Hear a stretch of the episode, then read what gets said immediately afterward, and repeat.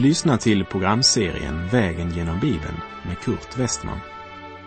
Programmet sänds av Transworld Radio och produceras av Norea Radio Sverige. Vi befinner oss nu i Sakarja bok. Slå gärna upp din bibel och följ med. Vi har kommit till vers 8 i Sakarja bok kapitel 2. Men för sammanhangets skull repeterar vi verserna 6 och 7. Sakarja 2, verserna 6 till och med 8. Upp, upp, fly bort från landet i norr, säger Herren. Ty som himlens fyra vindar har jag skingrat er, säger Herren. Upp, Sion, rädda dig, du som bor hos Babels dotter. Ty så säger Herren Sebaot, han som för sin härlighets skull har sänt mig till hedna folken som plundrade er. Den som rör vid er, han rör vid hans ögonsten. Herrens ängel säger att han blev sänd till det hedna folk som hade plundrat Israel. För den som plundrar Israel måste förr eller senare skörda konsekvensen av att ha rört vid Herrens ögonsten. Inte därför att Israels folk på något sätt skulle vara bättre eller redigare än något annat folk. Men Israel är nationen och folket som utvaldes till att fostras och formas av Herren. Herren själv ska förbereda ett folk genom vilket han ska låta Messias frälsaren komma till världen. Lägg märke till att vers 8 säger att Gud för sin härlighets skull har sänt sin ängel för att ta itu med det folk som plundrat Guds utvalda. För att säga det på vardagsspråk, den som på ett eller annat sätt går emot Israel, han petar Gud i ögat och den som inbillar sig kunna göra det ostraffat ska förr eller senare tvingas inse sin dårskap när Gud för sin härlighets skull sänder sin ängel för att ta itu med den som valde att vara bland Israels och Guds fiender. Samtidigt måste det sägas att vara bland dem som välsignar Israel det betyder inte därmed att man ger Israel rätt oberoende av hur de handlar. Men akta dig så att du inte petar Gud i ögat genom din hållning till Israel eller din hållning till Guds församling i det nya testamentet. Ty löftet, det gäller ju alla Guds barn. Och Galaterbrevet 6, vers 7 säger Gud bedrar man inte. Det människans sår skall hon också skörda. Låt oss höra vad Gud har att säga om Babylon som fört bort Guds folk i fångenskap och gjort dem till slavar. Vi fortsätter och läser från Sakarja 2, slutet av vers 8 plus vers 9. Den som rör vid er han rör vid hans ögonsten. Se, jag lyfter min hand mot dem och det skall bli ett byte för sina slavar. Ni ska då förstå att Herren Sebaot har sänt mig. Se, jag lyfter min hand mot dem. Det är allt Gud behöver göra och i ett ögonblick är hela situationen omvänd. Det som för en tid hade verkat som mäktiga, rika och suveräna och som har plågat Guds folk och gjort dem till slavar blir plötsligt slavarnas byte när Herren lyfter sin hand. Det folk som har tjänat dem under fruktansvärda villkor blir plötsligt deras herrar. Så har Herren Sebaot talat. Och redan när löftet uttalas ska de stämma i segersången. för löftena kan inte svika. Gud är och förblir trofast. Vi läser vers 10. Jubla och gläd dig, du Sions dotter. Ty se, jag kommer och skall bo i dig, säger Herren. Sion är en höjd i Jerusalem. Det finns kulter och enskilda som önskar lägga beslag på det här löftet för sig själva och som därför har flyttat Sion till Sverige eller till sin stad eller sin bygd. Men låt mig säga det så enkelt och klart jag kan. När Gud talar om Sion talar han inte om Västergötland, Öland eller Norrbotten, utan han talar om Israel och Jerusalem.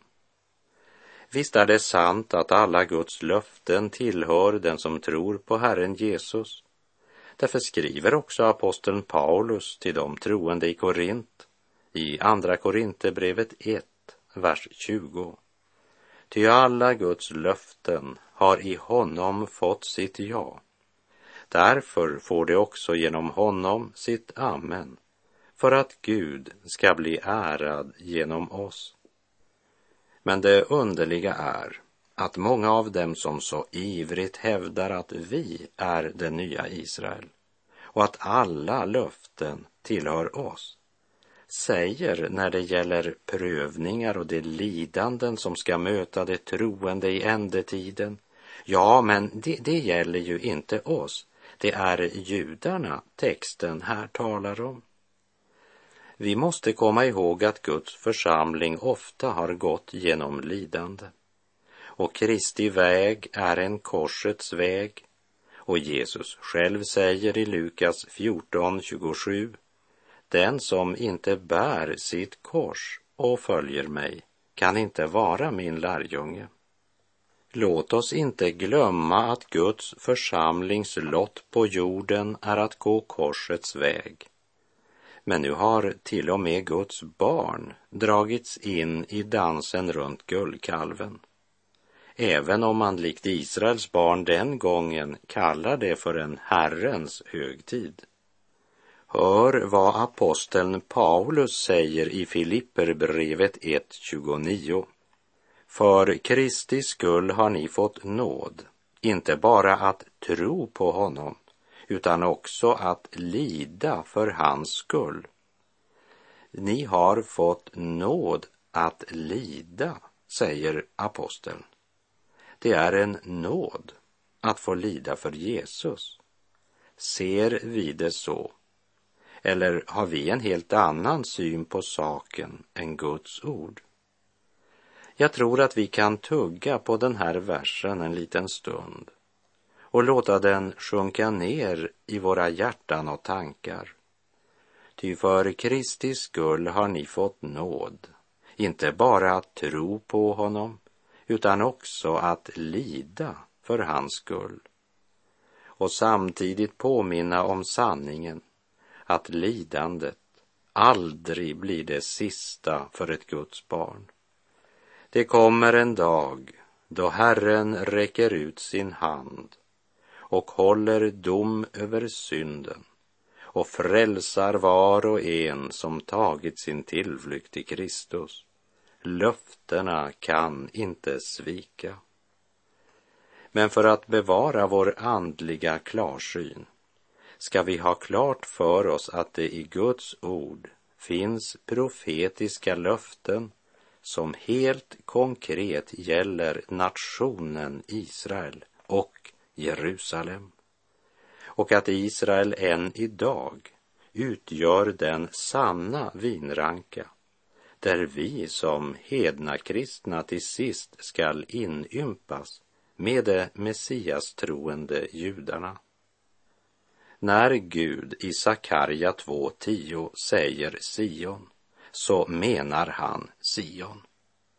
Jubla och gläd dig, du Sions dotter, Ty se, jag kommer och skall bo i dig, säger Herren. Och alla sanna Guds barn gläder sig till den dagen.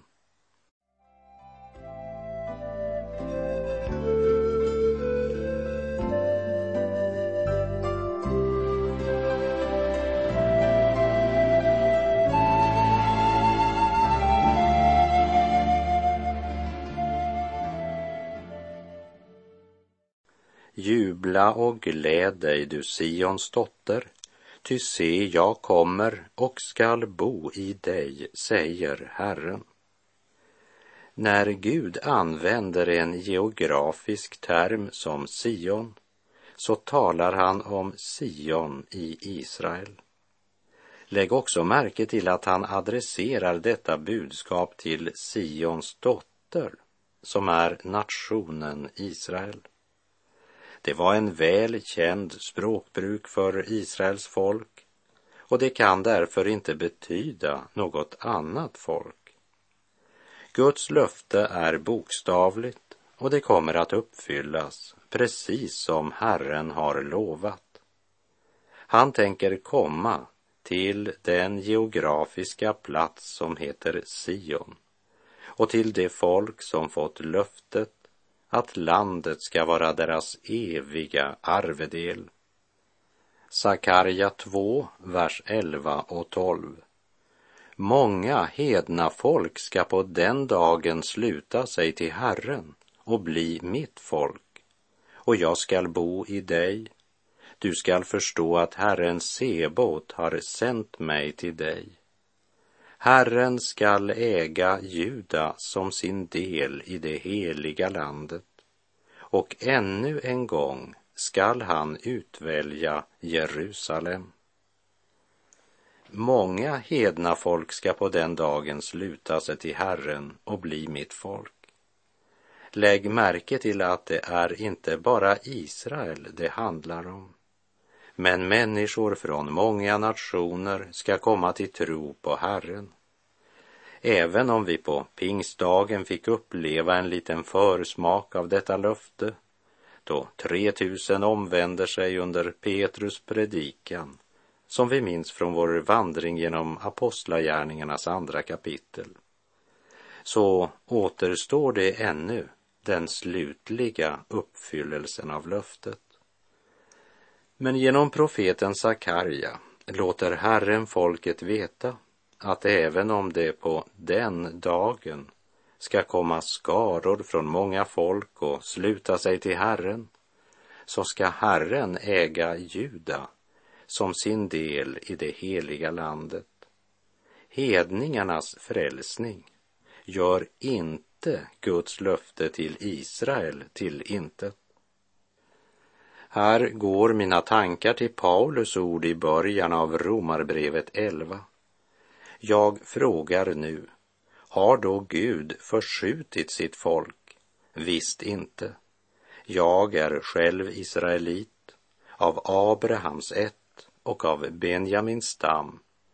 Gud har inte förskjutit sitt folk som han tidigare har känt som sina. Har då Gud förskjutit sitt folk? Visst inte. Klarare än så kan det inte sägas. Och Paulus själv är ju ett levande bevis på att Gud inte har förkastat Israel. Han är en äkta israelit. Och så fortsätter han i Romarbrevet 11, vers 5. På samma sätt finns det också i denna tid en rest som Gud har utvalt av nåd. Gud har alltid en liten rest i Israel, en kärna och det har han än idag. Och den kärnan, det är dessa i Israel som idag tror på Jesus som Messias. Det är orsaken till att Paulus senare säger att alla i Israel är inte Israel. Men en dag ska det ske något andligt genomgripande. Och om detta profeterar alltså Sakarja Jubla och gläd dig, du Sions dotter. Ty se, jag kommer och skall bo i dig, säger Herren. Många hedna folk ska på den dagen sluta sig till Herren. Herren skall ännu en gång utvälja Jerusalem. Låt oss även lägga märke till orden Herren skall äga Juda som sin del i det heliga landet. Det enda stället i Bibeln där Israel kallas för det heliga landet. Det är här i Sakarja 2.12. Jag vet att det finns många som idag kallar Israel för det heliga landet. Men sanningen är att det är allt annat än helgat åt Herren. Ogudaktigheten florerar, ofriden härskar och de flesta bryr sig inte om att söka Herren. Samtidigt är det med mycket stor glädje som jag mottar rapporterna om den växande responsen på våra hebreiska bibelprogram. Och jag ser det som ett stort privilegium att vi i Norea Radio får vara med och stödja de evangeliska sändningarna till Israel. Låt mig här bara citera ett av våra många lyssnarbrev. Jag trodde på Toran och mina judiska traditioner. Nu, många år senare i landet Israel, har jag kommit fram till att jag fortfarande inte har funnit meningen med livet. Men då jag hörde namnet Kristus skakades hela min tillvaro. Det var som om Gud ville säga mig att jag inte lyssnade till honom för 60 år sedan. Därför kallade han mig att följa honom genom detta radiobudskapet. Jag skriver för att fråga dig hur jag ska kunna bli en Jesu efterföljare. Jag vill bli frälst innan jag dör. Har du lust att sända litteratur till mig som kan hjälpa mig att växa till i Kristus? Kan du be för mina barn också?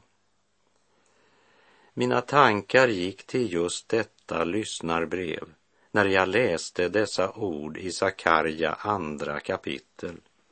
Herren skall äga Juda som sin del i det heliga landet. Må Herren rikt välsigna alla er som genom era förböner och era gåvor gör vårt rika radiomissionsarbete möjligt så att vi kan sända frälsningens budskap till Israel, till Egypten, Indien, Kina, Iran, Afghanistan och många andra land. Frälsningens budskap är inte från människor utan något som Gud har uppenbarat i sitt ord genom sin helige Ande. Guds ord är som regnet som kommer ner från himlen. Därför säger Herren följande i Jesaja 55, vers 10 och 11. Liksom regnet och snön faller från himlen och inte återvänder dit förrän det har vattnat jorden och gjort den fruktbar och ger säd till att så och bröd till att äta. Så skall det vara med ordet som går ut från min mun. Förgäves skall det inte vända tillbaka till mig utan att ha verkat vad jag vill och utföra det vartill jag har sänt ut det.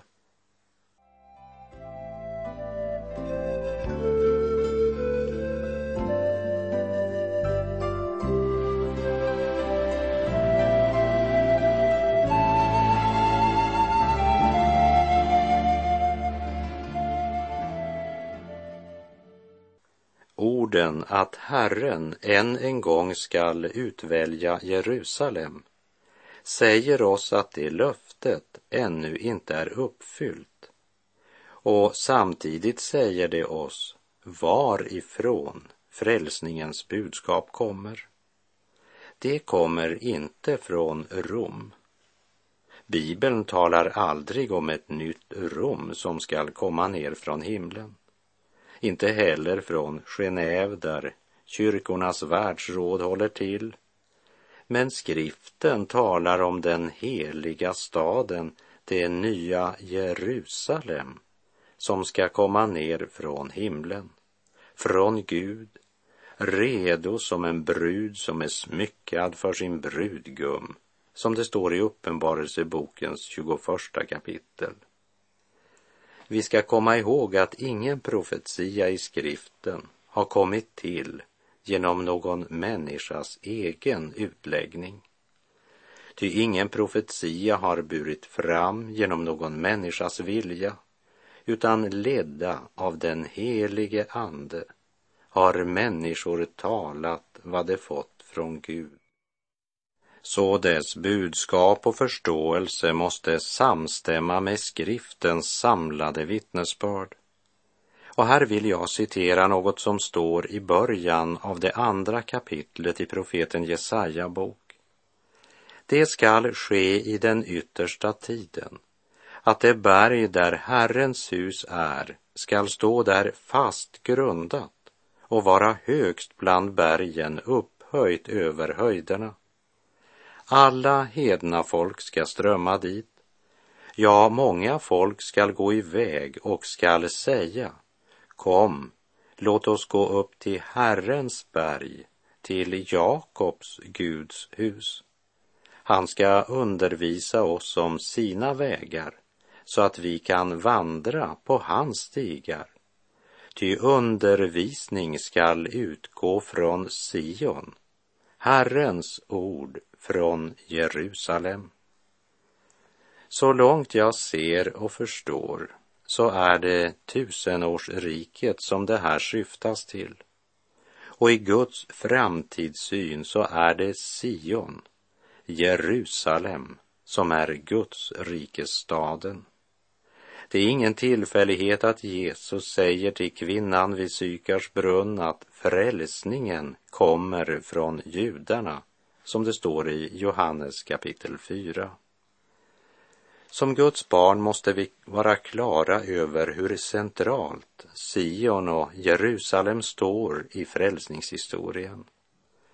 Kanans land är det landområde som den allsmäktige Gud har valt att vara både politiskt och religiöst centrum under Israels yttersta tid, då Gud ska döma nationerna för deras synd och för vad de gjort mot Guds Israel, som det står hos profeten Joel kapitel 3, vers 1 och 2. Ty se i de dagarna och på den tiden då jag åter upprättar Juda och Jerusalem. Då skall jag samla ihop alla hedna folk och föra dem ned till Josafats dal. Och där skall jag hålla dom över dem för mitt folks och min arvedels Israels skull. Därför att de har förskingrat dem bland hedningarna och utskiftat mitt land. Ja, de har kastat lott om mitt folk. Det nationerna idag gör mot Israel går inte obemärkt förbi Guds tron. Det kan du lita på. Och Gud ska hålla dom över dem därför att de har förskingrat dem bland hedningarna. Ja, kastat lott om Guds folk. Vi läser Sakarja 2, vers 12 och 13. Herren skall äga Juda som sin del i det heliga landet och ännu en gång skall han utvälja Jerusalem. Var stilla inför Herren, allt kött, ty han har trätt fram ur sin heliga boning. Var stilla inför Herren. Den dagen då löftet i Sakarja 2 bokstavligt kommer att gå i uppfyllelse så kommer hela världen att tystna. Stillheten kommer att vara total när Herren trätt fram ur sin heliga boning. Det talas ganska mycket idag om yttrandefrihet, men den här dagen kommer det att bli en underbar frihet av tystnad varför? Därför att Herren kommer att vara i sitt heliga tempel. Sakarja budskap var till inspiration och uppmuntran redan på Sakarja tid. Men för oss som lever i finalen av den yttersta tiden så är detta ett mäktigt profetiskt löfte som en soluppgång mitt i ogudaktighetens mörker. Gud har en plan med var och en av oss. Livet är ingen tillfällighet, inte evigheten heller. Och Jesus är Guds sista ord till mänskligheten. I Matteus kapitel 17 där vi läser om Petrus, Jakob och Johannes som var tillsammans med Jesus på förklaringsberget, där Jesus förvandlades inför dem och hans ansikte lyste som solen och hans kläder blev vita som ljuset. Och så står det i Matteus 17, vers 7 och följande att då sänkte sig ett lysande moln ner över dem och en röst ur molnet sade Denne är min älskade son, i honom har jag min glädje, lyssna till honom. När lärjungarna hörde det föll de ner på sina ansikten och greps av stor fruktan. Men Jesus gick fram, rörde vid dem och sade, stig upp och var inte förskräckta. Och när de såg upp såg de ingen utom Jesus. Gud har sänt sin son, lyssna till honom. Var stilla inför Herren allt kött, ty han har trätt fram ur sin heliga boning. Giv oss än en nådestund, o Jesus, så som du ditt folk så gärna ger, och låt dina varningar och löften tränga djupt i våra hjärtan ner. Ack, du vet vi kunna inte taga om du, Herre, inte ger oss det, och så giv utöver vad vi bedja, visa oss din salighet. Jubla och gläd dig, du Sions dotter, ty se, jag kommer och skall bo i dig, säger Herren. Och med det så är vår tid ute för den här gången.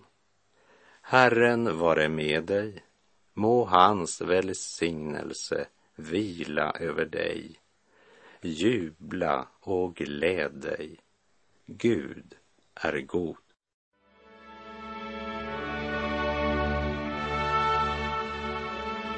Du har lyssnat till programserien Vägen genom Bibeln med Kurt Westman som sänds av Transworld Radio.